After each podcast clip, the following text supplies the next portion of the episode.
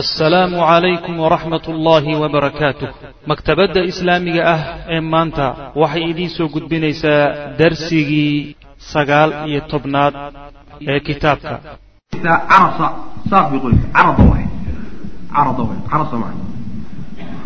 Qasaradana waxaa la yidhahdaa yani luqunta salkeeda. Meesha luqunta salkeeda markay weliba aad ay u weynaato meesha luqunta ka bilaabmato ayaa qasaradana la yidhahda abu jahal marka wuxuu isku dayey inuu nabiga dilo salawatullahi wasalaamu calayhi sidii markii horeba uu isugu dayi jiray inuu nabiga waxyeeleeyo salawatullahi waslamu calayh qaala ibnu isxaaq wuxuu yihi fadakara lii wuxuu ii sheegay fadukira lii waxaa la ii sheegay ana rasuula lahi sal lay slam nabigu qaala inuu yihi markii uu ka warramayay ninkaa waxa uu ka cararay iyo ratiga intaa la egay wuxuu yihi nabigu dak dalika midkaas jibriilu jibriil wey calayhi salaam low danaa hadduu soo dhowaan lahaa oo horay u soo socon lahaana la akhadahu waaba qaban lahaaba waaba lala tegi lahaaba meel baas baa lala aadi lahaa. Marka yani malaa'igtu iyo jinku labaduba ilaahay subxaana wa tacaala wuxuu siiyey yani quwad ama khaasiye ay kolba shakligay doonaan isugu yeeli karaan. Shakligay doonaan. Shakli ibni aadam shakli kale ay isugu samayn karaan. Bacd marka la ma leh. Inuu jibriil rati ugu soo ekaado rati weyn oo cuni gaadhay u noqdaaye wax laga yaabo maaha macna wa bacda dalika markaa kadib facala abu jahlin abu jahl wuxuu ku sameeyey birasuuli lahi sal lay waslam rasuulka wuxuu ku sameeyey markaa kadibna maa addaa wax keenay oo gaadhsiiyey ilaa islaami xamzata radia allahu canhu islaam xamza inuu islaamo wixii keenay ayuu markaa kadib abu jahl ku sameeyey nabiga salawatullahi waslamu caleyh wasayati wuuna imaan doonaa. Macnaa dib buu ka keeni doonaayo islaamnimada xamza markuu ka hadli doono darsigan darsi kuxi doona insha allahu tacala ayuu wuxuu yani sheegayaa in abu jahl uu nabiga sal lla alay wasalam uu dhibaato u geystay. Dhibaatadii markuu u geystay inay xamza arrintii soo gaadhay. Xamza oo adeerkii ah iyo arrintii soo gaadhay. Nin dhalinyaro aada u xoog badan oo wuxuu ahaa markaasi intuu markaa kacay xoog badanna waa ahaa. Geesina waa sanadda soo marka arrintii baa marka xamse ka xanaajisay aada buu uga xanaaqay markaasaa intuu soo tegey isaga oo aada u masayrsan oo xanaaqsan oo ka xanaaqsan wixii lagu sameeyey wiilka yarkaa. Iyuu markaa abujahal soo dul istaagay markaasuu ku yidhi wiilkaygii ayaad maanta saa u gashay soo maa diintiisiina anaa qaatay diintiisiina waa qaatay. Aniga adigana wixiina kala badbaadin lahaa baa loo baahanya. Ujeeda ficilo ficilo marka la islaamay weliga ficilo ka fiican maarag ficilada islaamnimada soo gelisa xamdi waa mid aada u qiimo badan. Marka taas keentay inuu islaamo xamza lafteedu waxay ahayd fal uu abujahal ku sameeyey nebiga salawatullahi wasalaamu caleyh xamzana uu ka ficlooday amaa duqaatu qurayshin quraysh kuwoodii kibrey iyo odayaashoodii soo maaha falam tazal ma aysan ka zuulin fikratu licdaam dilidda nebiga sal lla alay wasalam fikradiis fikradeedii ma ayna ka suulin tandaju inay bislaanayso fii quluubihim quluubtooda inay ku bislaanayso. Yacni mar walba quluubtooda inay ku soo noqnoqonayso ilaa ay bislaato. Mayna ka suulin fikraddii ahayd inay nabiga dilaan salawatullahi waslamu caleyh rawa ibnu isxaaq. Ibnu isxaaq wuxuu wariyey can cabdillahi bni camr bni caasim wuxuu ka wariyey. Qaala wuxuu yidhi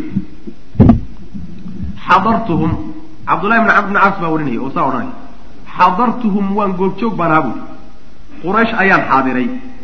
Waqad ijtamacuu iyagoo kulmay fi lxijri qowladda kacbada iyagoo ku kulmay. Xijrigu waa saan soo sheegnay horaan ku soo marnay waa qowladda yarteen dhisnayne kacbada dhankeeda macnaha waxa weye saa ugu wareegsan way macana qowladdaa iyagoo fadhfadhiya ayaan goobjoog ahaa buuri fadakaruu rasuula llahi sal lla alay wasalam rasuulkay soo hadal qaadeen. Nebigay arrintiisa soo qaadeen. Fa qaaluu waxay yidhahdeen maa ra'aynaa maanaan arag. Mitla maa sabarna maa sabarnaa calayh inta aan dushiisa ku sabirnay min amrin arrin maanaan min amri hada arajuli ninkan arrinkiisa sida aan ugu sabirnay weliganaba wax lamida maanaan arag. Waxaan saa ugu dulqaadan ruyo ina sixray dulqaad intaa ka fara badan weligiiba isagoo kale maynaan arag bay dhen macana laqad sabarnaa minhu waxaanu ninkaa ugu dulqaadanay calaa amrin cadiimin arrin weyn. Arrin aan la isugu dulqaadanin oo muqadasaadkii iyo ilaahiyadii iyo yani halkaa haddii la galo. Waa meesha aan rag macnaha wa waxba u laabnayn haddii laga maro wey marka arrin aan loogu dulqaadan cidna loogu dulqaadanin baan ugu dulqaadanay. Fa baynahum kadalika ayagoo sidaa ku sugan xilli ay sidaa ku sugan yihiin oo sheekadaa ay hayaan id markaaba dalaca rasuulu lahi sal alay slam nabigaa ku soo baxay. Nebigaa ku soo baxay. Fa aqbala wuu aaday nebigu xagga kacbada ayuu qaabilay yamshi isagoo soconaya xata istalama ilaa uu macnaha taabtay alrukna tiirka ilaa uu taabtay. Yani su u sii socday buu rukniga kacbada ayuu nebigu macnaha waxa wey gacantasaa ugu taabtay. Wuu iska iska dhaafay macnaha. Uma mara bihim haddana wuu soo maray nebigu daa'ifan isagoo dawaafaya bilbeyti kacbada isagoo dawaafaya. Markuu rukni aswadka waay rukniga markuu salaamay ayuu kadib nebigu dawaafkiisii bilaabay. Ayagoo marka xijrigii meesha qawladda afar fadhiya ayuu dawaafkiisi isagoo hayuu soo maray. Ilan dawaafka markood wareegayso qawladaad kolba mari meeshaasuu marka ku soo maray iyaguna qawladii fadhiya. Daa'ifan bilbeyti isagoo kacbada dawaafaya ayuu soo maray nimankii meesha farfadhiya fakhamazuuhu way dhaleeceeyeen. Bibacdi alqawli hadal qaarkii bay wax kaga sheegeen. Xoogaa hadal oo wax ka sheeg ah iyay hoosta uga tuureen. Fa caraftu dalika arrinkaa ayaan gartay buuhi waan dareemay fii wajhi rasuulillahi sal lay sl nabiga wejigiisaan ka dareemay buui siduu nabigu uga xumaaday salawatullahi wasalaamu caleyh wejigiisaan ka akristay falamaa mara bihi markuu soo maray athaaniyata markii labaadna ayay khamazuuhu bimiliha iyadii oo kale haddana wax ku sheegeen ayadii oo kale kelimadii oo kaleeto foosha xumayd ee ceeb tahay ayay haddana ku ceebeeyeen ku dhaleeceeyeen mid la mid fa caraftu dalika arrinkaa ayaan dareemay fii wajhi nabiga wejigiisaan ka dareemay. Uma mara bihim athaliata bihim athaalita markii saddexaad buu soo maray. Fakhamazuuhu bimiliha iyadii oo kale haddana ku dhaleeceeyeen. Fawaqafa nabigu waa istaagay salawatullahi wasalaamu caleyh uma qaala wuxuu ihi atasmacuun yaa macshara quraysh? Quraysh isu imaadkeeday may maqlaysaan? Hadalkayga ma maqlaysaan amaa waladii nafsii biyadihi waxaan ku dhaartay allaha naftaydu ay gacantiisa ku jirtee laqad ji'tukum waan idinla imid buu yihi bidabxi gawrac. Warku haba dhammaadee wax badan baan idinka qarqariyey gawrac baan idinla imid. Macnaha meeshii dawladnimadiina iyo madaxnimadiina iyo diintaad haysataan iyo mabaadi'diina wixii gawrici lahaa ayaan wadaabu wax badan baan idinka warwareegay. Fa akhadat ilqawma qawmkii marka waxaa qabatay raggii meesha fadhiyey kelimatu nabiga kelimadiisii baa qabatay salawatullahi waslamu caleyh macnaheedu waxa weeye macnaha meel bay kaga dhacdayo kelimadii bay kulligood u soo wada jeedsadeen oo kelimadii baa hanatay. Uu nebigu ku yidhi salawatullahi waslamu caleyh xataa maa minhum ilaa uusan ka jirin xaggooda rajulun nin uusan nin ilaa uusan nin ka mid ahayn ayaga ilaa hadduu ka mid yahay kaannamaa waaba isagoo calaa ra'sii madaxiisa dushiisa uu saaran yahay daa'irun shimbir. Shimbirkaasoo waaqicun dhacay. Yacni way hogteeno hogashi iyo waxay bareen iyo waxay bilaabeen. Yacni gorodlaalaadis inay hogtaan oo macnaha waxa weeyaan ay sii daystaan oo dacasha laalaadiyaan ayay bilaabeen macnaha. Waxay dhegaysanayaan yacni kelimadaasa intay ka qaalib noqotay iyo waxay ku jawaabaan garan waayan way ka damqon waxaad moodaa sida ay u hooganayaan shimbir inuu madaxooda ka saaran yaho la yidhi haddaad madaxa saa u dhaqaa shimbirku kaa dhici shimbirka ilaali nin la yidhi oo kaleto oo madaxaaga ha dhaqaajini saasoo kalead moodaa say u hooganayaan xataa ina ashaddahum ilaa midkooda ugu daran fiihi nabiga dhexdiisa koodii ugu darnaa la yarfa'uhu uu nabiga ku beer laxawsanayo biaxsani maa yajidu wuxuu helayo shayga ugu wanaagsan. Ammaanta ugu wanaagsan buu ku beer laxawsanaya oo uu ku ammaanayaa oo ugu nuglaanaya nabiga salawatullahi waslamu caleyh waxay leeyiin ya abalqaasim ya maxamed ya muxamed ya bna cabdillaah hadallada noocaasoo kale quruxda badan ee beerlaxawsiga ayay macnaha waxa way ujeedinay kii ugu darnaa baa saa odhanay. Layarfa'uhu biaxsana maa yajid wayaquulu wuxuu leeyahay insarif laabo yaa abalqaasim qaasim. Wiilkii yani waxa weye qaasim aabihiyow noqo iska laabo. Fa wallahi ilahay baan ku dhaartay maa kunta maadan ahayn jahuulan mid jaahilnimo ka shaqeeya weligaa maadan noqonin. Hadallo noocaasoo kaleo macmacaan bay bilaabeen inay nabiga ujeediyaan salawatullahi waslamu caleyh falama kaana algadu berri markay dhacday maalintii ku xigtay ayay ijtamacuu haddana soo gurmeen kadalika sidaas oo kale way isu yimaadeen yadkuruuna ayagoo sheeg sheegaya amrahu nabiga amarkiisa ayagoo warkiisii haya id dalaca caleyhi markaasuu ku soo baxay fa wasabuu ilayhi markaasay ku boodeen nabiga wasbata rajulin nin si bootintii oo kale waaxidin oo kale hal mar hal nin bootintiisi u boodo oo kale yay kulligood hal mar wada boodeen markaasaa nabiga lagu booday salawatullahi waslamu caleyh wa axaatuu bihi markaasay hareereeyeen dhinacyaha laga wada maray. Oo baa la geliyey falaqad ra'aytu waxaan arkay buu yihi nabigu wuxuu leeyahay. Yani saxaabiga cabdullahi bn camr bn caas waa wuxuu leeyahay. Falaqad ra'aytu waxaan arkay buu yihi rajula nin oo minhum nimankaa ka mida oo akhada qabtay bimajmaci ridaa'ihi. Marada nebigu uu macnaha waxa weeyaan go-a tunkiisa saaran. Meeshay isugu timaado nin qabtay baan arkay bui macnaha. Majmacu ridaa waxa weeye. Waa meesha luquntae macnaha waxa wey go isugu yimaado halkaasaa macnaha laga wada wa qaala abu bakrin wuxuu yidhi yani waxa weeyaan waa la kala boobay. Ragna dhinacyahay ka mareen. Midna inuu ceejiyu damcay oo maradii ku qabto. Waa la isugu tegey marka. Wa qaama wuu istaagay abu bakrin. Abu bakarna wuu istaagay duunahu nabiga sokadiisa uu ka xigsaday yani waxa weeyaan intuu gacmaha dhinaca ka mariyey ayuu iyagoo dhan ka xigsaday walxaal buu sidaa sameeyey abubakar hu isagu yabkii u ooyay wa yaquulu uu leeyahay ataqtuluuna rajulan an yaquula rabbiy allah ma nin baad dilaysaan oo dembiga aad u haysaan aad ku dilaysaanna uu yahay inuu yidhi rabbigay waa allah. Intaa miyaad nin ku dilaysaan? Saas wey macnaa wax kale u hayaan ma jiro. Keliyata un war ilaahay keligii caabuda oo waxyaalahan ka tago oo ilaahay baa rabbi ii ah.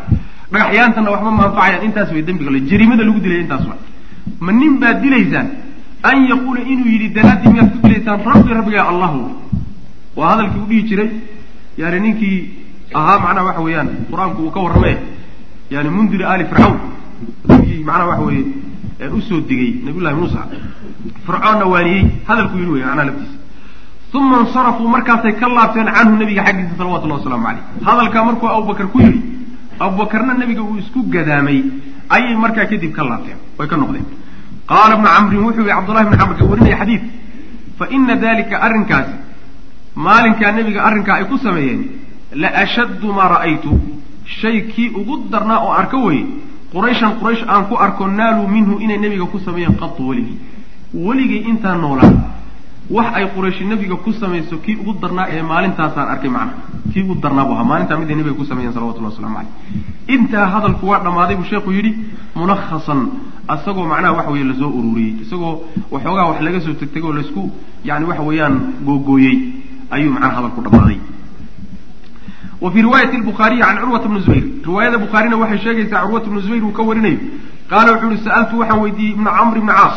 Cabdullahi bni camr ibni caas baan weydiiyey. Waxaan ku yihi akhbirnii bal iiga warran biashaddi shayin shay ugu darnaa oo sanacahu lmushrikuuna gaaladu ay ku sameeyeen binabiyi sal alay waslam shay kii ugu darnaayo gaaladu nabiga ay ku sameeyeen bal iiga warran baan ku yihi qaala wuxuu yihi cabdullahi bayna anabiyi sal alay waslam mar uu nebigu yusalli uu tukanayo fii xijri lkacba kacbada qowladeeda mar uu nebigu ku tukanayey yaa id markaasaa aqbala waxaa soo qaabilay cuqbat bnu abi mucayd baa soo qaabilay. Waxaa nebiga yani waxa weeyaan u yimid cuqbat cuqbat bna abi mucayd isagoo nebigu sal alay wasalam qowladda kacbada ku tukanaya fa wadaca wuu dhigay wuxuu dejiyey thawbahu maradiisa cuqba maradiisiibaa wuxuu dejiyey fii cunuqihi nebiga luquntiisa luquntu ka geliy fa khanaqahu markaasuu ku ceejiyey khanqan ceejin shadiidan oo daran maradii intuu isdhaafiyey buu ku ceejiyey oo neefta ku celiyay fa aqbala abu bakrin. Abu bakr baa marka soo qaabilay. Xataa akhada ilaa uu qabtay bimankibayhi. Ninkii gaalka ahaa labada garbood buu qabtay. Wa dafacahu wuu riixay can nabiy sal lay sl nabiga xaggiisu ka riixay. Yani isagoo ceejiyey oo nebigu sakraad yahay yo abubakar intuu gadaal ka yimid oo garbaha qabtay buu tuuray. Oo nebiga ka tuuray salawatullahi waslamu caleyh wa qaala wuxuu yihi abubakar ataqtuluuna rajulan ma nin baad dilaysaan qurayshay an yaquula inuu yidhi daraaddeed miyaad ku dilaysaan rabbii rabbigay allahu waay wa intaasaad nin ku dilaysaan macnaha saas wey wa fii xadiidi asma xadiidka asma ay warinaysana wuxuu isaguna sheegaya asma binti abi bakr ayaduna waxay warinaysaa fa ata sariiku qayla dhaantii baa waxay u timid ilaa abi bakrin bay u timid markii nabiga sidaa lagu sameeyey salawatullahi waslamu aleyh abubakar lama soconine asigu markaa meel kalu joogay laakiin qayla dhaantii baa soo gaadho waxaa la yidhi ninkii saaxiibkaa ahaa yani waxa weeyaan maanta laysugu tegay haddaadan gaadhinna waa u dhamaatay. Fa qaala wuxuu yidhi sariikii ninkii qayla dhaaminhayay baa wuxuu ku yidhi abubakar adrik saaxibaka war saaxiibkaa gaadh war saaxiibkaa haleel oo ka gaadh war ninkii laga taqallus war noocaasaa la soo gaadhsiiyey deg deg ah fa kharaja wuu baxay min cindinaa agtanadu ka baxay bay tiri asma asma ilaan gabadhiisii weye abubakar gabadhiisii waa asma marka waxay leedahay abubakar baa marka ka baxay agtanada walxaal gurigii buu ka baxay. Wa calayhi isagoo dushiisana hadaa'iru ay yihiin tidicyo arbac oo afar. Ah hadaa'irta waxaa la yidhahdaa tinta marka la tidcoo la kala xidhxidho. Xidhmooyinkeedaasa hadaa'ir la yidhahda marka isagoo timihiisu kala xidhxidhan yihiin oo afar qaybood u kala xidhan yihiin buu naga baxay oo guriga ka baxay. Fa kharaja wuu baxay wa huwa yaquulu isagoo leh oo ku hadalkan ku halqabsanaya ataqtuluuna rajulan ma nin baad dilaysaan? An yaquula rabbiy allah inuu yidhi rabbigay waa alla daraaddii miyaad nin ku dilaysaan. Falahow markuu u tegey oo uu saa ula hadlay falahu way ka mashquuleen. Canhu abubakar xaggiisay ka mashquuleen. Waxaan ujeeda nebiga xaggiisay ka mashquuleen. Wa aqbaluu waxayba ku jeesadeen caleyh abibakrin baaba lagu jeesaday. Odaygan kadaata aanu dadka ka mari weynay ninka kadaata gundhiga u noqday waaba asagaa len isaga marka hore aan ka takhalus asagii baa layskula soo jeediyey fa rajaca soo laabtay markaasaa nin tin qabta iyo timihii yani xidhnaa xidhmooyinkii tintaabuu ninba mid gacanta ku dhigay. Markaasaa la kala jiitay. Fa rajaca wuu soo laabtay bay tihi ilaynaa xagga nagu u soo laabtay abubakar laa namusu xaalo aanaan taabanaynin shay-a shay oo min hadaa'iri xidhmooyinkii tintiisa ka mid a ilaa ha taabanaa rajaca wuuna soo raacayaa macanaa la jirkan tintii oo intee googo-day uun madaxa iska saar saaran ayuu meesha yimi haddaanu timihii saa u taabannaba gacantayba soo raacayaan wax tinaba kuma hadhin madaxiisa siday u kala rifeen macana yacni waxa weeyaan ciqaabta ay u geysteen nebiga salawatullahi wasalamu aleyh maxaad nooga celinaysaa bay ciqaabta ugu geysanayaan abubakar radi allahu canhu arda wallahu aclam wsala allahuma waslama cala nabiyina muxamedin wala alihi wasaxbi waslm alxamdu lilahi rab lcaalamiin sala allahuma waslama cala nabiyina muxamedi wacala alihi wasaxbihi ajmaciin ama bacd waxaan soo gaadhnay ciwaanka islaamu xamzata radi allahu canhu waxa ay fiqaraadkii hore ka soo warramayeen dhibkii nabiga loo geystay salawaatu ullahi wasalaamu caleyh qaybo ka mid ah iyo in la isku dayay dilkiisii. Caawa darsigu marka wuxuu ku saabsanaan doonaa laba nin oo xaaladda iyo markii lagu jiray soo islaamay oo nina uu yahay xamza ibn cabdilmutalib nabiga adeerkii salawaatu ullahi wasalaamu caleyh ka labaadna uu yahay cumar ibn khataab radi allahu canhu. Wuxuu sheekhu marka inoo ciwaaneeyey islaamu xamza xamze islaamidiisii radia allahu canhu khilaala hada aljawi almunabadi bisaxaa'ib aldulmi walطugyaan yani jawigaas dhexdiisa jawigii hadda laga soo sheekeynay wey jawigaasoo almunabadi yani la daday bisaxaa'ibi adulmi walطugyaan dulmi iyo xadgudub daruurihii lagu daday jawiga noocaas ee ay hadheeyeen daruuraha dulmiga iyo xadgudubku jawiga noocaasa adaa-a waxaa ifay barqun barqu nuurin nuur hilaaci baa ifay. Lilmaqhuurina ama baraqadhe adaa-a wuu ifiyey dheh barqu nuurin iftiin hilaaci baa ifiyey. Lilmaqhuuriina dadkii dulmanaa ee muslimiinta ahaa dariiqahum jidkoodii buu u ifiyey. Macnaha waxa weeye iyadoo dulmiga lagu jiro oo xadgudubkaas lagu jiro oo jawiga iyo hawada ay saaran tahay daruuro noocaasi ay saaran yihiin. Macnaha waa iska waa hadal waxoogaa yaro maldaane daruuri ma saarna wuxuu ka wadaa. Waxaa mujtamaca dhexdiisa hadheeyey oo markaasi hawsha taalla ay ahayd xadgudubka iyo dulmiga muslimiinta ku socda. Sidii daruuro hawada qariyo oo kale u ka dhigay marka. Iyadoo saa arrinku yahay ayaa waxaa ifay oo muslimiinta u ifay. Dadkii dulmanaa ee muslimiinta ahaa nuur hilaaci ayaa u soo ifay. Jidkoodiibuu u ifiyey macnaha. Alaa wa huwa iftiinka ama hilaaca ifayna waxa weeye islaamu xamzata bni cabdilmualib wey radi allahu canhu. Islaamidii xamze waay. Yani muslimiinta waxaa hilaac u baxay iyo iftiin u baxay buu ahaa.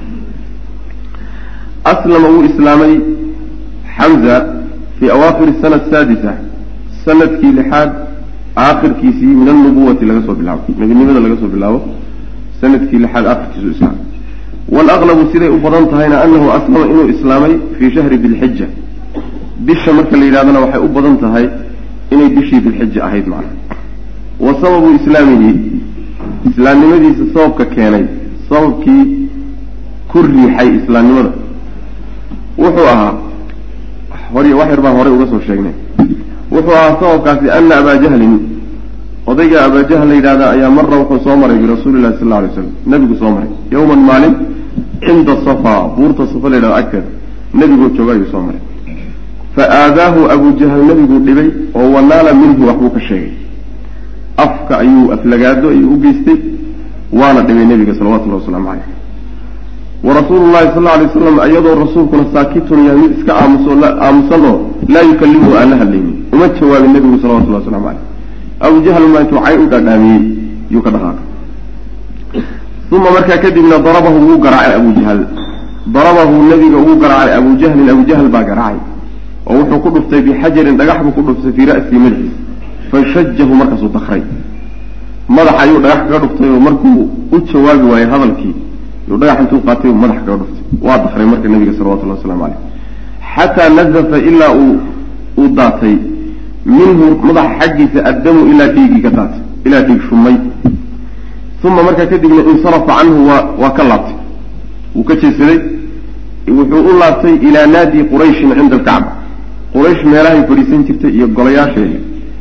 Meelaha isugu imaan jirtay buu yuu aaday ee kacbada agteeda ahay yani meesha fadhiyada odayaashu isugu yimaadaan lagu caweysin maalintiina iyagu way fadhiisan jireen galbihii meelahaasu tegey macna.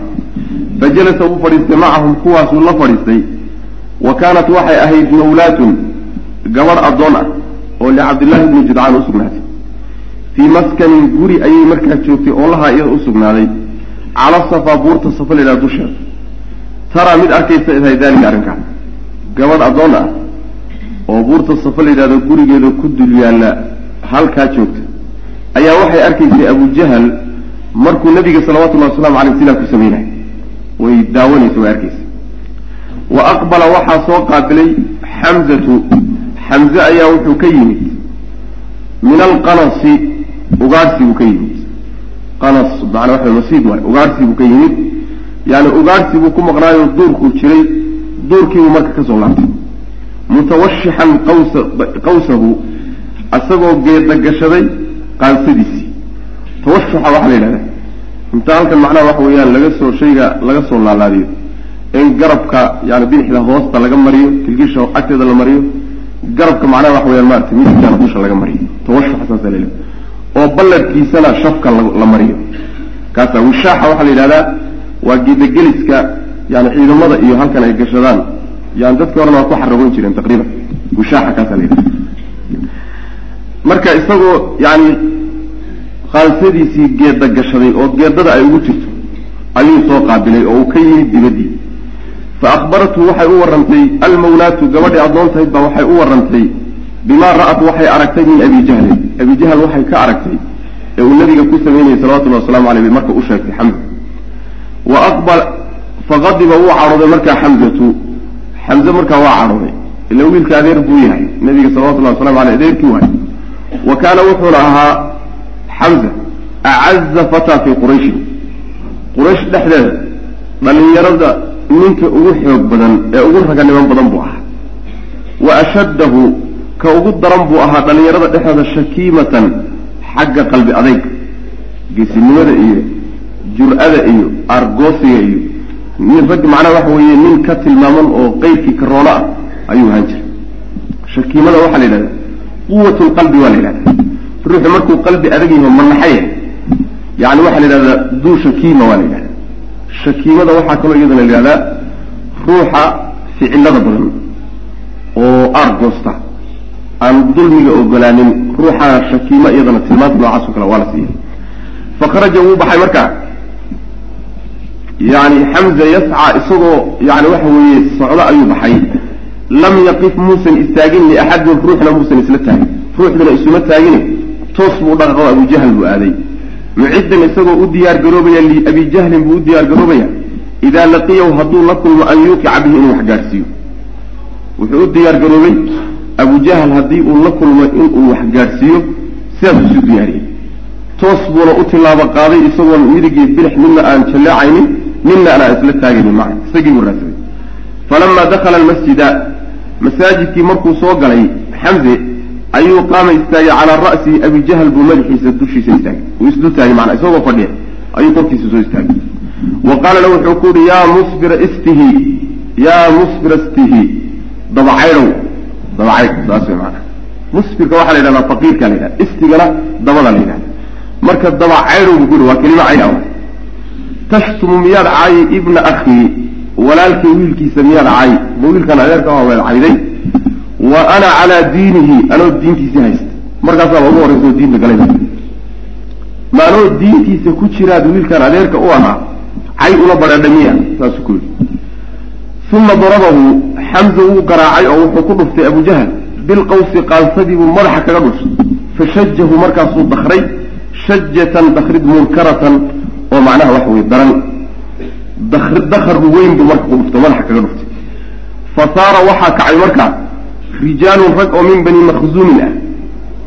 Xayi abi jahlin ah. Abi jahl qoyskuu ka dhashay oo reer bani makhzuuma rag ka mid ahoo meesha joogay baa markiiba kacdoomay oo damcay inay xamze wax gaadhsiiyaan wa saara banu haashimin reer banu haashimna iyaguna waa kaceen xayu xamzata. Xamze qoyskuu ka dhashayna iyaguna waa kaceen hiillaa marka meesha timidoo ficillaa timidoo nin walba qoyskiisii baa la sabtay. Fa qaala abu jahlin wuxuu yihi marka haddii arrintii khadhaadhaatay oo labadii qoys inay isku dhacaan ay marka ku sigatay asagaa marka qaboojinahayo war anaa gardarnaaye ha la yska daayo le fa qaala abu jahl wuxuu yihi dacuu abaa abaa cumaara abuu cumaara daaye. Abuu cumaara macnaa waa xamza. Fa innii anigu sababtu waan caayay ibna akhiihi walaalkii wiilkuu dhalay baan ka caayay sabban cay qabiixan oo foolxun cay aada u foolxun baan wiilku adeerka u ahaa caayay gar buuna uleeyahay inuu aar goostay waxay gaadhsiiye daaye buri faraha ka qaaday. Sidii buu arrinka ku dejiyey. Islaamnimada xamse marka saasay ahaydo waxay ahayd mid ku timid ficillo. Nebiga uu ficlooday salawatullahi wasalaamu calayh. Wa kaana wuxua islaamu xamzata xamze islaamnimadiisu waxay ahayd awala alamri markii ugu horreysay anafata rajulin nin ficiladii ninkaasoo abaa diiday an yuhaana in la ihaanaysto oo la dullaysto mawlaahu wiilka uu adeerka u yahay. Yaani markii hore waxaa ku bixiyey oo ku xambaaray inuu islaamo. Yacni xanaaqaas uu dhaliyey xamaasada uu xabaystasnaa iyo ficilada uu ficlooday wiilka uu adeerka uu yahay. Uma markaa kadibna sharaxa allahu ilaahay wuxuu waasiciyey sadrahu laabtiisa ayuu islaamnimada u waasiciyey kadibna marba hadduu soo galay laabtiisi baa ilahay islaamka u ballaadhiyeyo fastamsaka marka wuxuu qabsaday bilcurwati alwusqaa guntinta aan go'aynin ayuu qabsaday. Yani islaamnimaduu ku dhegin waayo guntinta aan gu-itaanka lahayn ee adag.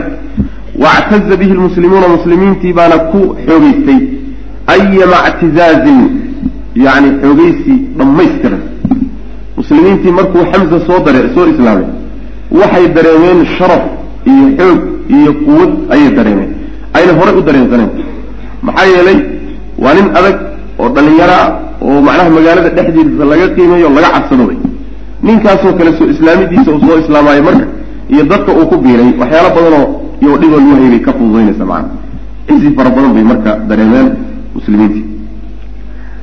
Islaamu cumar ibn khataabin radi allahu canhu wa khilaala hada aljawi haddana waxa weye cumar ibn khataab islaamnimadiisii waay maalmaha wax yar kadib uu soo islaami doona isagu wa khilaala hada aljawi jawigaas almulabadi ee la huwiyey ee dusha laga saaray bisaxaa'ibi dulmi waduqyaani xadgudubka iyo dulmiga daruurihiis dusha laga huwiyey jawiga noocaas ayaa adaa-a waxaa ifay barqun aakharu hilac kale. Oo ashaddu daran bariiqan xagga ifka bariiqan xagga macnaha waxa weeye yani iftiinka iyo wa idaa'atan ifkaba min alawali kii hore ka daran muslimiintii mar labaad waxaa u ifay hilaac labaad. Hilaacii hore iyo iftiinkii hore u baxay ee jidkooda u caddeeyey wuxuu ahaa islaamnimadii xamsa kii hore hilaac ka xoog badan iyo iftiin ka xoog badan baa muslimiintii mar labaad u baxay. Alaa wa huwa kaasina waxa weeye islaamu cumar bn khataab waay. Aslama wuu islaamay fii dilxija dilxija ayuu islaamay sanata sittin min annubuwa kaa horena wuxuu ahaa dilxija bu isaguna ahaa oo sannadkii lixaad bacda halaaثati ayaamin saddex beri kadib min islaami xamzata radi allahu canhu islaamnimadii xamza markuu xamza islaamay saddex beri kadibna cumar baa soo islaamayba wa kaana nabiyu sal lay slam nabigu wuxuu ahaa halkan wuxuu sheegayaa sababka keenay cumar islaamnimadiisa nabigaa u duceeyey salawatullahi wasalaamu caleyh isaga iyo abujahal midkood inuu ilaahay diinta ku cizeeyo oo soo islaamiyo yuu nabigu rabbi ka baryay subxana wa tacala qad daca nabiyu sal lay slam nabigu waa baryey liislaamihi islaamnimadiisa inuu islaamo cumar nabigaa u duceeyey salawatullahi wasalaamu caleyh oo alla ka baryey faqad akhraja tirmidiyu imaam tirmidi wuxuu soo saaray can ibni cumara ibni cumar wuxuu ka warinaya wasaxaxahu tirmidi xadiidka waana saxiix yeelay waأkhraja aطabaraaniyu can ibni mascuudin wa anasin ana nabiya sal lay slam abaraanina anas iyo ibnu mascuud buu xadiidka ka warinaya.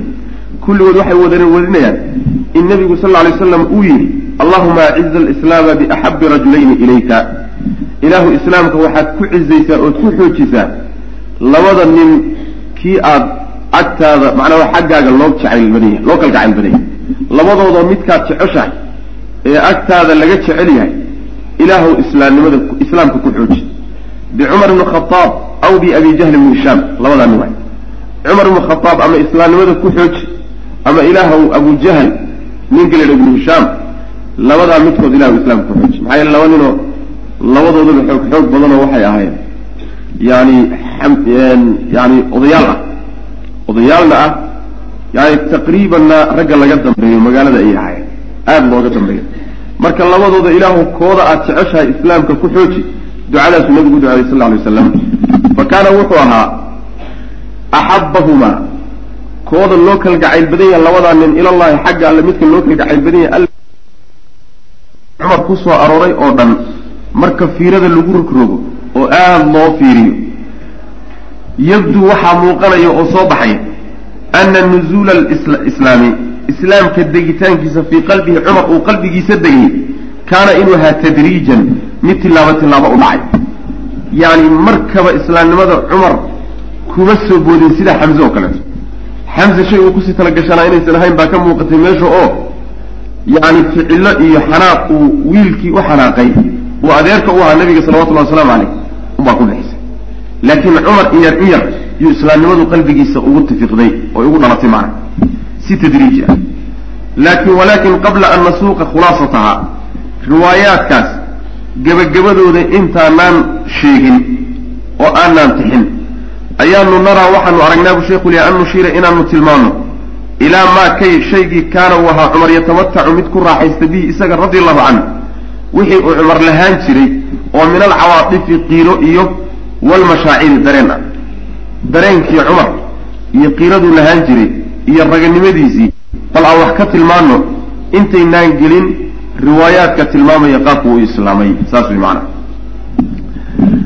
kaana wuxuu ahaa radia allahu canhu wuxuu cumar ahaa macruufan mid lagu yaqaan bixiddati abci dabeeco adayg min dabeeco adag oo dabeeco qallafsan buu ahaa wa quwati shakiimati iyo qalbi adag ama ma ahee ficillo xoog badan baa lagu yaqaanay min ficillo badanoo aan macnaha lahayn yani dulmiga aan u dulqaadanin saasaa lagu aqoon jiray wa taalamaa laqiya almuslimuuna waxaa dheera dheeraatay oo badnayd intay muslimiintu la kala kulmeen minhu xaggiisa alwaana aladaa dhibka noocyadiisa waa kii aan soo marnay muslimiintu dhib aada u fara badan inay kala kulmeenoo raggii muslimiinta cadaabiyey ee ciqaabay ee cadaabay inuu ka mid ahaa macna waaahiru sida muuqatana anahu cumar kaanat anahu amr yashaaniya kaanat waxay ahayd tasdaricu mid lagatanta fii nafsihi naftiisa dhexeeda mashaaciru ayaa ku lagatamaysay dareenno mutanaaqidatun oo isdiidan. Yacni qalbigiisa waxaa ku hardamayey oo ku nooltamayey dareemo isdiidan oo iska soo horjeeda dareemada uu sheegayo waa kuwa soo socdo. Dareen waa caadadii hore uu soo lahaan jiray. Wixii aabbo uu ka soo dhaxlay awow ka dhaxlay intan kula soo ekaaday waxaasi wax laga tegi kara ma ah. Iyo sidoo kaleeto dareen labaado wixii uu caadaystay naftiisu baratay ee ahayd balwadda. Balwadda iyo yacni waxa weeyaan waxyaalaha wax sarqaamiye iyo mukhadiraadka iyo caadadii noocaasa labadaasoo laysku daro waa dareen dhinac ka jiidanaya dareenka labaadee dhinac ka jiidanaya waxa weeye ee isagana yani waxa weeye ictibaartiisa iyo tixgelintiisa ku lahaa qalbiga cumar.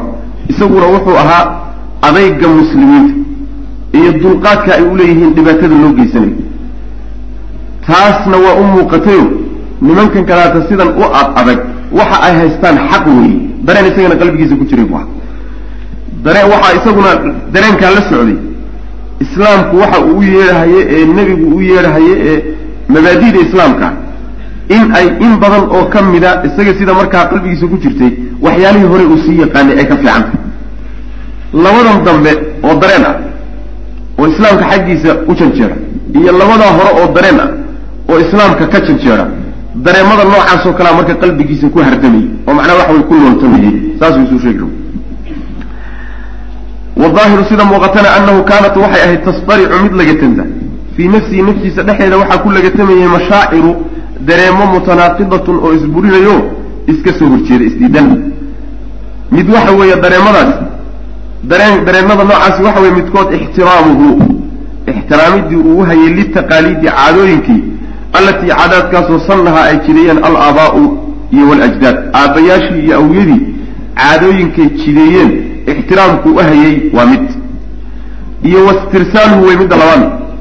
Istirsaaluhu yacni ku fogaanshihiisa uu ku fogaaday maca shahawaati sakari sarqaanka shahwooyinkiisa iyo wallahwi iyo ciyaarta allatii middaasoo alifaha uu ka caada dhigtay.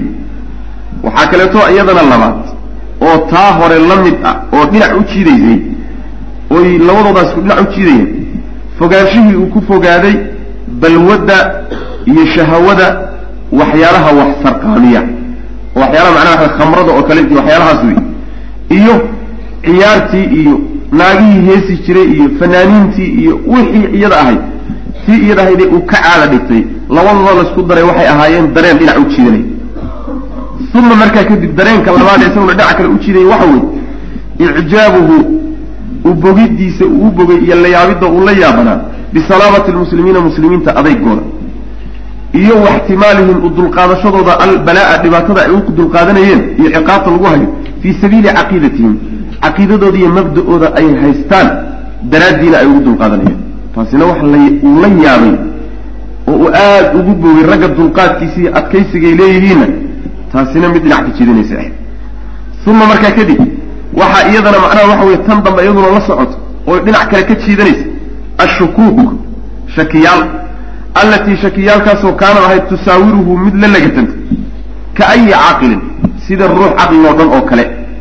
Sida ruux caqlin oo dhan oo kaleba ay ula lagatamayso yacni shakiyadii la lagatamahayey ayaa iyaguna la mida macnaha oo ka mid a mashaacirtaa jiidanaysa. Muxuu macnaha waxa weeyaan ay kula lagatamaysaa maxay kula lagatamaysaa shukuugtaas oo ay macnaha ku haysataa. Waxay kula lagatamaysaa fii ana maa yadcuu ilayhi lislaamu waxa islaamku ugu yeedhahayo oo mabaadi'da qad yakuunu inuu ahaado shakigu noocaasi qad yakuunu amuu ahaan karaa ajalla mid ka weyn wa askaa mid ka fiican min gayrihi isaga waxaan ahay. Taasina shaki ku jira buu ahaayo dhinac ka jiidanaya oo ah islaamku mabaadi'da uu ugu yeedhayo amuu ka fiican yahay oo ka wanaagsan yahay tii horeed horay u sii haysan jirteen shakigaasuna dhinaca buu ka haystayo wuu la lagatamay dhinac buu kala looltamay macana walihaada sidaa daraaddeed ayaa maa in yasuur ma kaco. Mar alla markuu kacaba ma kaco oo macnaha arrintu lama kacdo. Xataa yakuura ilaa uu damo. Mar alla markuu kaco oo uu damco inuu muslimiinta wax gaadhsiiyo ama uu yani waxa weeyaan dhinac u bataba. Dhinacii kalaa jiidan oo fadhiisiini hadduu damco inuu gaalnimadiisii ku sii adkaysto oo gaalnimadii ku sii socdoba yacni dhankii kaleeto iyo dareenkii kale ayaa jiidi.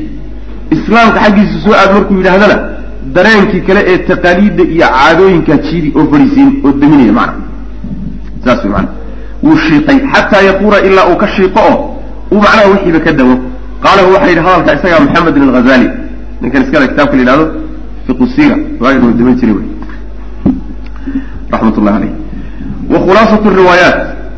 Riwaayaadka hadda marka wuxuu gudagalay intaasi waxa weye waa tilmaan uu ka bixinayo cumar bin khataab radi allahu canhu iyo astaamihii lagu yaqaanay nin wuxuu ahaa raganimo badan waxaa kaloo uu tilmaamay inuu ahaa nin ayna islaamnimadu markaba ayna gelin qalbigiise laakiin si tilaabo tilaabo ah oo islaamnimadu u soo gashay. Riwaayaadkiibuu hadda gudagelaya marka. Wa khulaasatu riwaayaati riwaayaadka gebagabadoodu waxa weeye maca aljamci baynaha markii riwaayaadka laysku celceliyo isku celcelis marka la sameeyo riwaayaadka laysku ururin. Waxa weeyaan fii islaami islaamnimadiisa radi allahu canhu riwaayaadka ku soo arooray khulaasadooda iyo gebagabadooda waxa weye marka laysku ururiyahay annahu cumar iltaja'a wuxuu maga galay laylatan habeen ila lmabiti bari khaarija beytihi gurigiisa meel ka baxsan inuu soo baryo habeen buu wuxuu soo baryey gurigiisa meel ka baxsan. Muusan baryin gurigiisa? Ayb fa wuu yimid ila alxarami xaramkuu yimid. Wa dakala wuxuu galay. Habeenkaas wey. Habeennimadii buu soo baxay xaramkuu yimid. Wa dakala wuxuuna galay fii sitri lkacbati kacbada daaheeda. Yani marada weyne kacbada ku dadan ayuu galay. Wanabiyu sal lla alay slam nabigu isagoo markaasna qaa'imun uu yahay mid taagan oo yusallii tukanaya waqad istaftaxa oo uu bilaabay suurata alqaaf suuraddaasuu bilaabay. Alxaaqa mala suurat alxaaqa macnaha waxa weeyaan markaa uu kacbada daaheeda gelaya cumar ee meeshaa imaanaya xaramka imaanaya nebigu salaad buu ku jiraa salawatullahi wasalaamu caleyh oo meeshuu ku tukanaya suurat lxaaquna akrinaya macna.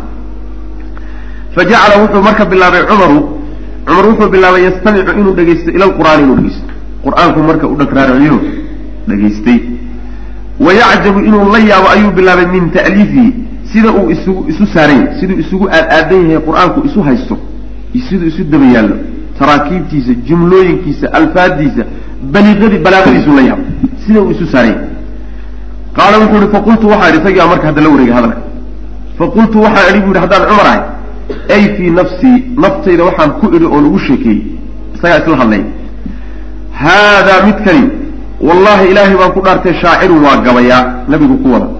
Alelahay wuxuu tirinayana waa gabay isaguna waa gabayaa. Laakiin waa nin gabayga aad u yaqaan. Kamaa qaalat qurayshun siday qurayshba u tiri? Qaala wuxuu yihi cumaru. Cumar wuxuu yihi markaa faqara'a markaasaa nabigu wuxuu aqriyey inahu laqawlu rasuulin kariim wama huwa biqawli shaacirin qaliila ma tu'minuun. Aayaddaasuu soo marin hadalkaan hayeyba een u waaba shaacirba shaacirkiibuba meesha ka saaray. Shaacir mahalay inahu isagu qur'aanku laqawlu rasuulin rasuul hadalkii wey kariimin oo wanaagsan wamaa huwa mana ahaanin qur'aanku biqawli shaacirin gabayaa hadalkii ma warkii ma ah qaliilan maa tu'minuuna wax yar baad rumaynaysaan in yar baad rumaynaysaan hadalku hadal gabaya ma ah saasaa lagu yii qaala wuxuu ihi cumaru kaa markii laga tirtiray wuu ka guuray marka wuu ka bedeshay qultu marka waxaa ihi bu ihi kaahinu alala marka waa wadaad xumo wey wadaad xumo weeyaanoo meelahaas jimanka iyo waxbuu la shaqaystaayo meelahaasu waxaan ka keenay. Qaala wuxuu yihi mar markaasaa wuxuu yidhi nabiga sal lay slam baa akriyey walaa biqawli kaahinin qaliilan ma tadakaruuna tanzilu min rabbi alcaalamiin markiiba aayadan haddana soo mar yani intaa uu nabigu akrinayo isagu warkan cid uma sheegahayay macnaha naftiisuu ku sheekaysanaya. Naftaa ugu sheekaynaysa. Mar waxay ugu sheekaysay waa gabay mar mar waxay tihi waa kaahin. Walaa biqawli kaahininna ma aha yani kaahin warkii ma. Aha qaliilan wax yar maa aada u yar baa tadakaruna waana qaadanaysaan. Tanziilun soo dejin waay. Oo min rabbi alcaalamiina caalamiinta uunka rabbigii xaggiisa ka soo degin waay. Uunka rabbigii abuurtay ayaa xaggiisa laga soo dejiyey waxa aad sheeg sheegaysaan oo dhan midna maaha baa lagu ila aakhiri suura buu akriyay nabigu salawatullah waslamu caleyh qaala cumar wuxuu yihi fawaqaca waxaa dhacay alislaamu islaamkiibaa marka wuxuu ku tifqay fii qalbi qalbigii ku tifqay dhibicdii ugu horreysa marka qalbigiisa ku dhacay saas way maana kaana waxay ahayd buu sheekhu haadaa midkaasi dhibicdaa ugu horreysa arrintaa markaasi cumar uu qaaday waxay ahayd buu leeyahay awala wuquuci awal wuquucin dhicitaantii ugu horreysay ay dhacdo nawaatu lislaami islaamka unugiisii uu ku dhaco fii qalbi qalbigiisa uu ku dhaco ama kaana wuxuu haadaa midkaasi awal wuquuci nawaati lislaami islaamka unugiisii ugu unugtiisii ugu horreysay dhicid ay dhacdo tii ugu horreysay bay ahayd fii qalbi qalbigiisa ku dhacdo. Dhicid ay qalbigiisa unugtii ugu horreysay islaamku ay ku dhacdo ayay taasi ahayd cumar. Laakin kaanat waxay ahayd qashrat qashratu nazacaati aljaahiliya meeshan hadal waxoogaa yaro maldahan buu sheegayahay markii qalbigiisa ay ku dhacday yani qashrada waxaa la yidhahdaa waxaan u jeedaa nawaadka waxaa la yidhahdaa shayga ubucda ah ee midhaha gudihiisa ku jira. Laf ha ahaado wax kale ha ahaado ubucda hoosaa la yidhahda beerka hoose ayaa laga wadaa.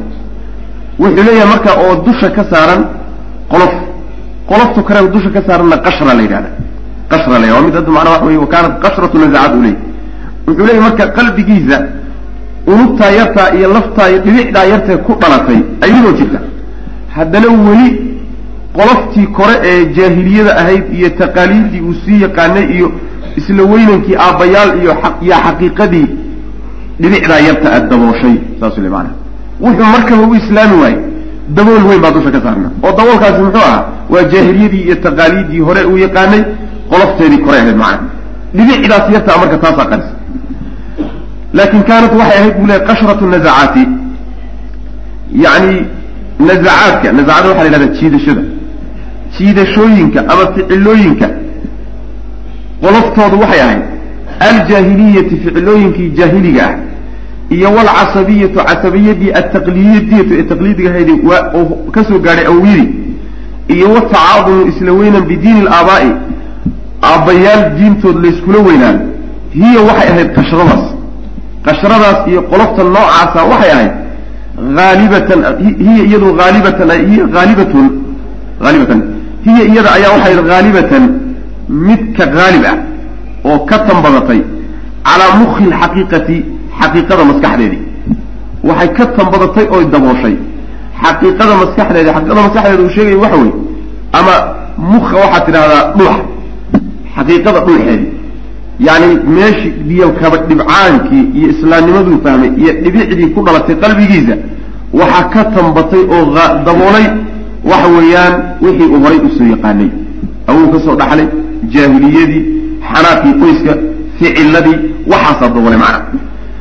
Allatii middaasoo xaqiiqadaasoo kaana uu ahaa yatahamasu mid uu isugu sheekeeyo biha iyada qalbuhu qalbigiisu isugu sheekeeyo qalbigiisaas xaqiiqada iyada ee la daboolay ee laga tambatay qalbigiisaas si qarsoon oo hoos hoos a ugu sheekaysanayay macnaha islaamka markuu ku dhashay qalbigiisa qalbigaas si hoos ahaaneeda ugu sheekaysanayo waswaas ahaan bay qalbiga ugu wareegeysay laakiin waxaa ka tambatay oo daboolay caadaadki iyo taqaaliidii hore usi yaqaanay macna. Fa baqiya markaa wuxuu ahaaday oo ku baaqi ahaaday mujiddan mid ku dadaalay fii camalihi hawshiisii did alislaami islaamka ka soo horjeeday waxaasi waxba kama tarini dhibicdii yarayd weli waxba kama bedelin wuxuu sii watay dadaalku ugu jiray ka hortagga islaamka hayra muktarifin isagoon u aaba yeelaynin bishucuuri oon dan ka gelaynin bishucuuri dareenka alladii dareenkaasoo yakmunu qarsoon oo ku qarsoon wara'a hadihi alqashrata wara'a hadihi alqashrata yacni qoloftaa iyadaa qoloftan kore hoosteeda ama gadaasheeda xaqiiqadii ku qarsoonayd iyo dareenkii ku qarsoonaa oo dhibicdii yarteeda islaamnimadee ku dhalatay ahayd taa iyadaa uma aabiyeelayo maxaa wuxuu iska sii watay inuu islaamka la dagaalamo asagoo dareenkii yaraa ee markaa ku dhashay wax aabayeelaba aan u samaynin oo aan damba ka gelin macna. Macnaha wuu iska dhibicdii waa ku dhalatay laakiin waxba kama bedelin wy mana weli waxay ka bedeshay ma ay jirto wa kana min xiddati طabcihi wa farti cadaawatihi lirasuli lah sal lay waslam wa kaana waxaa ka mid ahaa min xiddati طabcihi dabeeca adeegiisa waxaa ka mid ahaa wa farti cadaawatihi iyo cadaawadiisa yani xaddhaafka xaddhaafnimadeeda cadaawadiisa xaddhaafka ay tahay iyo dabeecadiisa qallafsanaanteeda waxaa ka mid ahaa lirasuuli lah sal lay slam nabiga uu cadaawad iyo u hayay waxaa ka mid ahay middaa iyada anahu cumar kharaja wuu baxay yowman maalin cadaawaddu u hayay iyo qallafsanaantiisa waxaa ka mid ahay maalin maalmaha ka mid ayuu cumar soo baxay. Mutawashixan isagoo geeda gashaday sayfahu seeftiisa isagoo geedada gashaday. Isagoo seeftiisa macnaha garabka ka ritay oo saa ay ugu laalaabto ayuu soo baxay. Yuriidu wuxuu doonayaa alqada'a cala nabiyi sal lay slam nabiga inuu ka takhallusuu doonaya wuxuu u socda waxa weeye ninkan la kari waayey loo mari waayey yuu doonayaa inuu ka soo takhalluso oo uga raaxeeyo tolkii isaguna ka raaxayso falaqiyahu waxaa la kulmay jidkii uu sii hayay baa waxaa ka hor yimid oo kula kulmay nucaym ibni cabdillaahi annaxaam alcadawi. Aw amase rajulun nin baa la kulmay oo min bani zahra. Aw amase rajulun nin baa la kulmay oo min bani maqzuuma saddexdaa nin mid ka mida la kulmay. Waa shaki ba ma kanuu ahaa mise kanuu ahaa mise kanuu ahaa fa qaala wuxuu yihi ninkii la kulmay ayna tacmadu yaa cumar? Cumarow xaggeed u jeedaa xaggee qasadkaagu yahay. Maxaad doonaysaa qaala wuxu uhi uriidu waxaan doonayaa an aqtula muxamadan maxamed inaan soo dilaan raba. Qaala wuxuu yihi kayfa ta'manu min bani haashim wa min bani zuhra? Reer bani haashim oo reer qoyskii dhalay ah iyo reer bani zuhra oo reer abtigii ah xagee baad ka geli? Haddaad disho ma badbaadi kartaa. Xageed ku dhuumani. Waqad qatalta adigoo dilay muxamedan adoo muxamed dilay miyaad haddana qoysaskii uu ka dhashay ee dhalay aad haddana ka badbaadi miya bal saad ku badbaadida sheeg faqaala lahu cumar wuxuu yihi maa araaka ilaa qad sabawta kuma arko ilaa inaad ridowday mooyaane oo diintii awyada ka noqotay oo wataragta aad ka tagtay mooye wax kale kuma arko diinaka diintaadii alladii diinkaasoo kunta caleyhi aad ku sugnay aniga waxaa iga kaa muuqata buuri fulaynimo fara badan oo diintii awowyada xataa inaad ka tagtay oo nin diintiisii ku adag inaadan ahayn baa iga kaa muuqata buuri cararkan durba aad bilowday qaala wuxuu yihi afalaa adulluka? Ma ma ku tusaa cumarow? Miyaanan ku tusaynin cala alcajabi wax la yaab layaa cumar cumarow. Cumar waxaad la yaabta ma kuu sheegaabu iska daa aniga iyo fulaynimadeydii yani waxa weeyaan diinta aan ka ridoobay waxaa iska dhaa waxaad la yaabta ma kuu sheega. Haawey warku. Wuxuu ku yidhi ina ukhtaka gabadhaada walaasha walaalaha aydeen walaashaa faatima. Iyo wa khatanaka seediga qad sabawaa way ridoobeen diintii awowyadaa waa ka tageen. Anigu shisheeyaaban ahay oo haddaan ridoobiya haddii taga kaleeto toona wax dhiba weyn kuguma haye qoyskaagii baaba qaar badan taga buuri oon faraba ku jir gabadhii walaasha ahayd iyo seedigaa labadiiba tage wa taraka waxayna ka tageen. Diinaka diintaadii bay ka tageen. Alladii diinkaasoo anta caleyhi aada haysato diinkaad haysatana lanac oo qolyahaasi waa ka tageen. Sabawa saba waxaa la yidhahdaa sabaa waxay dhihi jireen. Diintooda ruuxii ku ka baxo oo ka noqday saabi odhan jireen. Nebiga iyo salawatullahi wasalaamu caleyhi waxa la odhan muslim noqdo dhan saabi bay odhan jireen. Carabtuna saasay uqan jireen.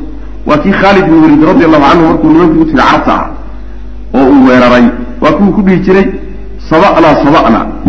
Ayagoo ka wada macnaha waa aslamna aslamna inay dhahaan bay doonay markaasa waa saba'naa saba'na wuu laayay marka waxay u yaqaaneen saabica nin alla ninkii diintii tolkii iyo awowyadii uu soo haysan jiray ka baxa saabi u yaqaan jireen maana saas. Marka yani gabadhii walaasha ahayd iyo seediga labadiiba waa ka tageen diintaas. Famashaa wuu socday cumaru cumar marka waa dhaqaaqay. Daamiran isagoo inuu halaago rabo. Xataa ataahumaa ilaa uu yimid. Inuu baabi'iyo oo cagta mariyo isagoo doonayo ayuu xaggooda soo aaday. Haddii daal la akriyo haddii daal la akriyo daamiran la yidhahdo isagoo caraysan bay noqonaysa. Wa cindahumaa agtooda waxaa ahaaday marka labadaa isqaba faatimo iyo yani ninkeeda. Waxaa markaa la joogay cumar uu ku soo socda khabaab ibnu arata ayaa ayaa la joogay ninkaas saxaabiga. Macahu waxa uu hayay markaa oo gacantiisa ku jiray saxiifatun waraaq. Fiiha saxiifada waxaa ku qornaa iyo waraaqada taaha.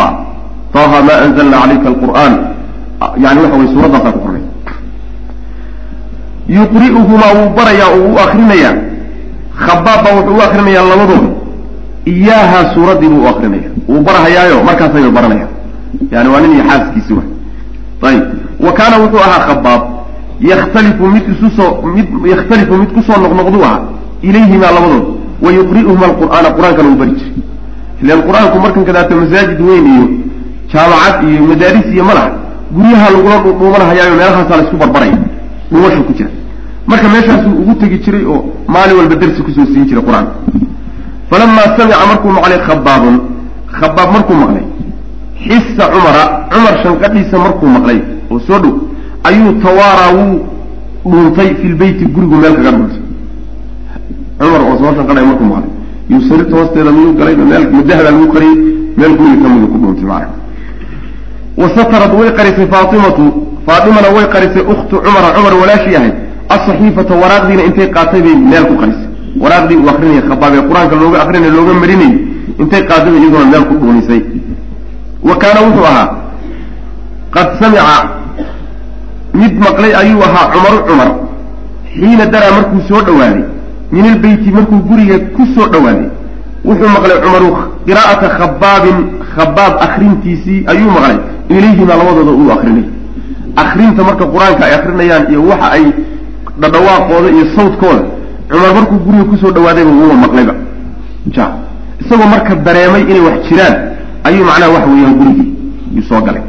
La kala dhuuntay oo la kala cararay oo wax la kala xasay markaas falamaa dakala calayhimaa markuu u soo galay ayaa qaala wuxuu yihi maa hadihi alhaynamatu alatii samictuhaa cindakum? Maxay tahay hunuhunudan aanin agtiina ka maqlay. Yani waa sawt aadan fahmaynino keliyato uun shanqadhiisu ku soo gaargaarayso maa hadihi alhaynamatu hunuhunudani maxay tahay? Allatii midaas samictuhaa cindakum aan agtiina ka maqlay. Maxay tahay faqaala waxay yidhahdeen maa cadaa xadiidan taxadatnaahu baynana. Wax aan waa uun sheeko aan ku sheekaysanay wax dhaafsiisan maaha. Sheeko un annagu aanu sheekaysanaynayoo aan ismaaweelinaynayoo dhexdanadunu ka dhexaysaba wax intaa ka badan ma jiro saasay ku dhehen ayib. Qaala wuxuu yihi falacallakumaa qad sabawtumaa. Ma laga yaabaa inaad ridowdeeno diinta awgeediin ka tagteen. Ilaa waxoogaa war buu qabaa. Wuxuu doonayaa inuu hubsado horta. Fa qaala wuxuu yihi lahu isaga khatanuhu ninkii seedigii ahaabaa wuxuu ku yidhi yaa cumaru cumarow way cabsanayaan. Laakiin markaa hadday cabsanayaan xataa diintii maanaan ka tegin awiyadani weli waanu sii haysanaa. Waa riddo ma odhan karaan. Waa inay marka waxa weeyaan xaaladdu mar hadday meeshaa gaadho ay toos wax u cabiraan marka. Hadal marka yara uu soo meel ka soo leexiyey oo aan toos ugu wajahnayn ayuu marka ku yidhi. Wuxuu ku yidhi yaa cumaru cumarow ara'ayta bal ka warran in kaana alxaqu xaqu hadduu yahay fii hayri diinika bal ka warran diintaada haddii laga xaqsan yaho diimo kaloo ka xaqsan ay jiraan. Bal arrintaa iga warran sideedaba macnaha diintanadaa ka xaqsan hadduu dhihi laha marka waa lagu bilaabi laha ee wuxuu bal ka warran ma jiri kartaa sideedaba diintaada ma laga xaqsanaan karaa saas wey macana fa wasaba cumaru cumar wuu ku booday calaa khatanihi seedigii buu ku booday. Seedi aqoon darana. Fawadi'ahu markaasuu ku istaagay wad-an istaag shadiidan oo daran. Lugta intuu saaray buu cagta hoosteeda geliyey markiiba. Ila waa ka xoog badan yahay. Fa jaa-at waxaa timid ukhtuhu walaashii baa marka timid oo soo istaagtay tala waa quruntay oo markan kaata wax la reeban ma jire. Gabadhii baa is soo taagtay.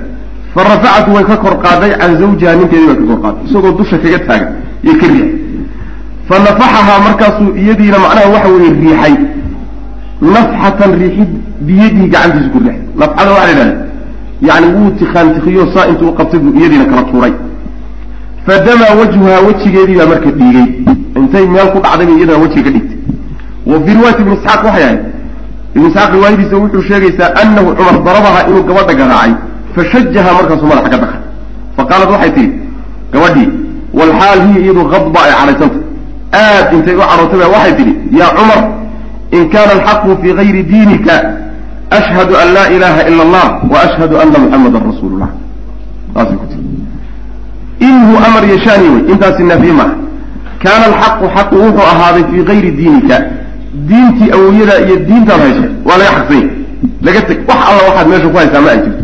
Aniguna waxaan qirayaa bay tihi mid xaq lagu caabudo inuusan jirin ilaa alla mooyaane. Ka tega wax alla xiisana waad caabudi jirto o dhan maxamedna inuu rasuulka ilaahi yahay baan tii meeshaa doonta ka dhac waxaad doontana samey bal jur-ada gabadhaas ay ugeyso rag fara badan baan intaa laga heli kara intaas lagama heli kara rag fara badan. Macnaha jaraa-ada iyo dhiiranaanta diinta lagu dhiirado mawaaqifta noocaasoo kaleeta ah. Adiga keliyata ku anfici mayse khalaa'iq ilahay bay anfici khaasatan haddii aada muqtadaa bihi tahayo ay dad kugu dayanayaanoo lagu fiirsanayo macana sidii masalan waxa weeye imaam axmed oo kaleeta iyo mawaaqiftii cajaa'ibka hayday ay soo qaateen. Gabadhii marka saasay ku tiri falamaa ya-isa cumaru. Cumar markuu quustay oo uu ka quustay wax walba hadduu sameeyo in aan waxba laga yeelin oo wara-a uu arkay maa biukhtii walaashii waxa ku yaalla oo minadami dhiigga ah ayuu nadima markaa nadaamooday uu qowmooday wastaxyaa waana xishooday ninkii seedigii ahaaye meesha uu cagta hoostiisa geliyeyna xishood buu dareemay. Gabadhii macnaha waxa weeye walaasheeda uu dakrayna waxoogaa qooman buu dareemay macna wa qaala wuxuu yihi actuunii hada alkitaaba bal kitaabkan ii dhiiba waraaqda isiiya alladii kitaabkaasoo cindakum agtiina a fa aqra'hu aan akriya waxaad ii suurtagelisaan kitaabka aad inaan wax ka akriyo waraaqda ii dhiiba fa qaalat ukhtuu walaalshii baa waxay ku tidhi inaka adigu rijsun qulun baa tahay nijaas baa tahay ku tii walaa yamasuhu kana ma taaba qur'aankana ma taabanayo ila almudaharuuna kuwa la nadiifiyey mooyaane dad nadiifa oo dahaaro qabo unbaa ilahay ugu talagalee wax nijaasa sidaasoo sidaadoo kaleeto ma taabta ku tii ee faqum istaag oo faktasir soo qabaysay ku ka haddaad doonayso inaad taabatood akrido soo qabayso. Markaba kulamayna ordino bal oo labayna hoos ordine waxay tidhi shuruudda soo mar horta ma ujeeda ictizaaskaas yani waxa weye ay gabadhu dareemayso waa ictizaaz iimaani awey quwad badan gacanteeda kuma jirto. Hub badan iyo rag badan oo isku hadlaysay iyo qoys ay isku hadlaysay midna ma haysato. Laakiin waxaaso dhan waxaa ka tan badan iimaanka qalbiga ugu jira. Waxaasoo dhan kaasaa ka xoog badan macana soo qabaysay ku tegi faqaama wuu istaagay cumaru faiktasala markaa waa soo qabaystay. Uma akada alkitaaba markaasuu kitaabkii ka qaadayo waraaqdii faqara'a markaasuu akriyay bismi illaahi araxmaani araxiim intaasuu akriyay waa suuradda bilowgeeda wey faqaala wuxuu yihi asmaa'un ayibatun aahira waa magacyo wan wanaagsan oo haddana daahir ah bismi illahi araxmaan waa magacyo ilahay len yani allah iyo alraxmaan iyo alraxiim magacyo wan wanaagsan oo weliba dahiran wayaan uma qara'a wuxuu akriyay taaha xata intahaa ilaa uu gaadhay oo uu gaadhsiiyey ilaa qawlihi tacaala inanii ana allahu laa ilaha ila ana facbudnii wa aqimi salaata lidikrii ilaa uu aayaddaa ka gaadhay ayuu suuratu daha akriyay oo yaa baray gaal buu ahay waa carabi carabi weeyaanoo macnaha saliqiyu yani waxa weye lisaan oo uma baahna in loo meeriyo oo loo akriyo uma u baahna waa macnaa waxa wey toos buu u akrin fa qaala wuxuu yihi maa axsana hada alkalaama hadalkan maxaa wanaag badiy alla wanaag badana wa akramahu oo sharaf badnaysi alla hadalku sharaf badana oo qiimo badana bu dulluunii itusa bu yihi calaa muxamedin maxamed hallay tusa bu maxamed hallay tuso meesha uu joogo halla ii tilmaamo waa aadaya.